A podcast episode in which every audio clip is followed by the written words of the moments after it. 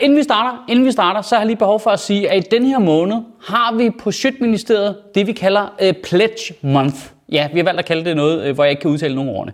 Øh, og øh, i, det er fordi, du har brug for at vide, at det her, det ligger gratis tilgængeligt for dig på alle mulige platforme, hvor du kan se det. Men det koster også nogle penge at lave. Øh, der skal noget løn til min producer Andreas, der sidder bag ved kameraet her, til Simon Astrup, til Mads Holm, som er med til at lave podcasten, øh, fotografer, lyd, alt muligt, når vi er ude og lave interviews. Øh, og det kan kun lade sig gøre, fordi der er nogle mennesker, der donerer penge til Sjøtministeriet via tier www.nota.dk, der laver man en lille abonnement, hvor man giver typisk en tier om ugen, hver gang vi udgiver vores ting, øh, og så akkumulerer det, og så kan jeg betale folk penge. Men, og det er det vigtige her, Øh, vi har taget kæmpe hit under corona, det er nok meget naturligt. Øh, simpelthen et fald i donationer på 30 procent. Og vores problem er her, at vi kunne godt tænke os at udvikle på det her projekt. Vi kunne godt tænke os vores eget website, så ikke vi var afhængige af alle de platforme, vi er på her. Øh, vi kunne godt tænke os at lave explainers, så vi kan forklare jer avancerede ting. Vi kunne godt tænke os at udvikle det. Og det kræver, at der er nogle mennesker, der donerer. Så hvis du er en af dem, der har råd til at betale for, at alle de andre kan se det gratis, så vil jeg anbefale at gå ind på sjøtministeriet.10.dk DK. Vi har lavet nogle forskellige trin derinde, at hvis vi når op på 10.000 kroner om ugen, så får vi lavet vores eget website, så kan vi øh, få en grafiker til at lave det, og vi kan maintain server og alt det der til alle vores videoer. Hvis vi når op på 15.000 om ugen, så går vi i gang med at lave explainers fast, ansætter forfattere til det, og så kan det køre fremover. Men jeg håber, du har lyst til at støtte, hvis du kan, fordi vi skal vokse, vi skal være større, vi skal, vi skal også have ligestillingsministeriet herovre, vi skal vi overtager de andre ministerier. Ja, ja, okay, okay, så kan jeg godt mærke, så bliver folk utålmodige, så skal vi til i gang. Nu kommer ugens afsnit. Goddag. I Danmark har man det, man kalder dynamisk pensionsalder. Ja, det er to ord, der lyder nærmest naturstridende hinanden, dynamisk og pensionsalder. Øh, men det betyder, at vores øh, pensionsalder automatisk øh, følger gennemsnitslevealderen. Og det er faktisk fuldstændig fucking genialt. Fordi sådan har det ikke altid været. Og førhen, der skulle vi høre politikerne diskutere pension. Kraft mig op og ned og stolper. Hele tiden skulle vi høre dem diskutere om det. Det har vi ikke hørt om i 100 år, fordi det triller bare afsted. Helt af sig selv, stille og roligt, hvis gennemsnitslevealderen den stiger, så stiger pensionen, kan vi gå lidt senere på pension, og hvis der skulle ske en uforudset med vores sundhed, og du ved, gennemsnitslevealderen falder, så kan vi gå tidligere på pension. Det er en, det er en algoritme jo. Altså, vi har bare taget nogle parametre ind i en algoritme, og så er det den, der styrer loven. Hold kæft, mand. Det, det burde vi gøre meget mere. Altså, Hvorfor skal vi diskutere, hvad topskattegrænsen er? Kan vi ikke bare sætte den dynamisk til at følge medianindkomsten? Altså, så hvis vi er fattige, så skal du hurtigt betale topskat. Det var da genialt. Ikke? En dynamisk straffelov. Altså, jo mere vold, der bliver begået i samfundet, jo højere er straffen. Og så hvis der ikke bliver begået vold i 10 år, så er det bare gratis at myrde nogen.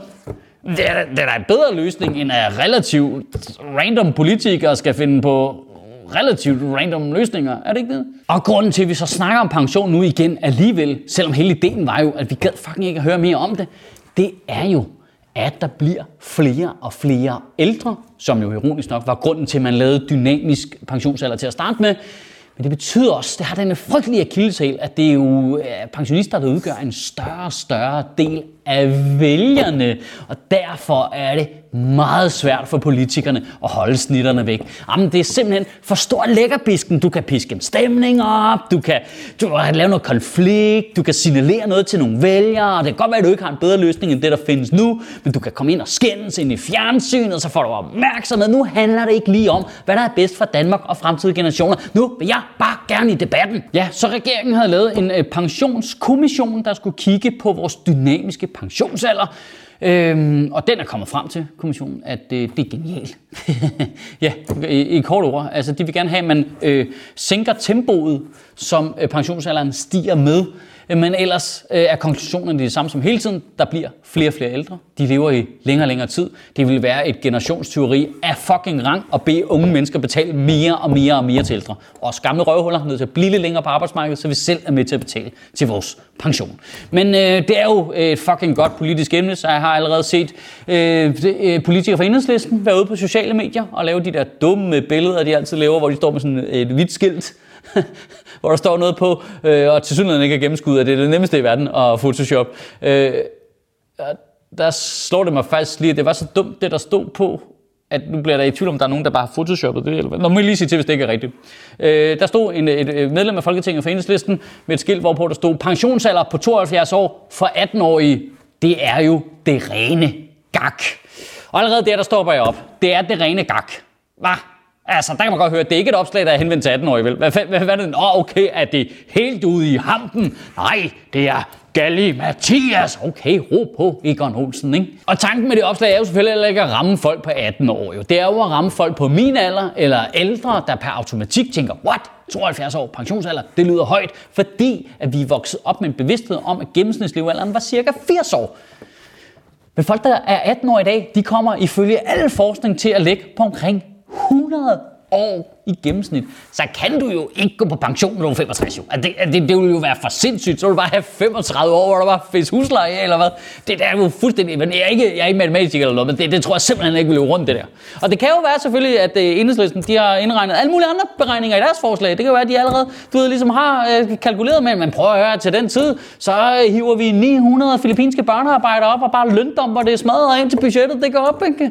Det, det kan også være, at de allerede har faktureret ind af skiftende borgerlige regeringer og vil forringe velfærden så meget. Folk de lever slet ikke så lang tid der liv. Eller, øh, eller også har de bare taget øh, ulvebestanden og fremskrevet den. Der er jo kommet 8 ulve på to år, så på 80 år, så er der 600 ulve, og de spiser bedstemøder. Så pointen er, en pensionsalder på 72 år er altså ikke det rene gak, hvis folk de lever i her lang tid.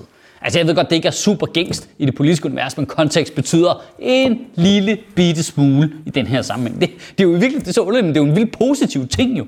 Altså folk lever sundere, vores hospitaler er bedre, lægerne er dygtige, vi er bedre til alt. Færre mennesker bliver demente, vi er mere sunde og rørige, end man var for 50 år siden, og derfor lever vi længere tid, og derfor giver det jo meget god mening, at man justerer pensionsalderen, så det nogenlunde passer sammen jo. Altså, det, vi kan jo ikke bare have, at folk går rundt i 30 år og bare fyrer fællesskabets penge af på shots og serutter. Altså. Også fordi man ved, at den ungdom, der er nu, de holder fast i moden, ikke? Og så ved man bare, så i fremtiden, så kommer der til at være fucking pensionister med de der caps på med helt flade, skæve skygger og bæltetasker over maven, mens de står og vender plader med i kødbyen. Men der er en anden kontekst, der også er vigtigt, at når, det kan godt være, at vi lever længere jo, men vi er jo forskellige.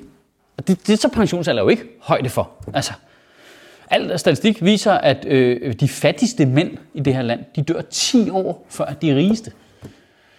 Og det er jo sjovt nok, fordi at de fattigste mænd er kommet på arbejdsmarkedet cirka 10 år før de rigeste. Det hænger jo på mystisk vis sammen, alt det der. Altså, så jeg kan jo godt forstå, at når man piller ved pensionsalderen generelt, så sidder der bare folk i 3F og øh, med fysisk arbejde, der er sådan lidt, what the fuck? Mens alle dem over i Djøft, ja, fint, hvad er problemet i det? Altså, det, det, det, det fatter jeg godt jo. En undersøgelse fra 3F viser, at 68 procent af deres medlemmer over 58 år kommer hjem fra arbejde med smerter i kroppen.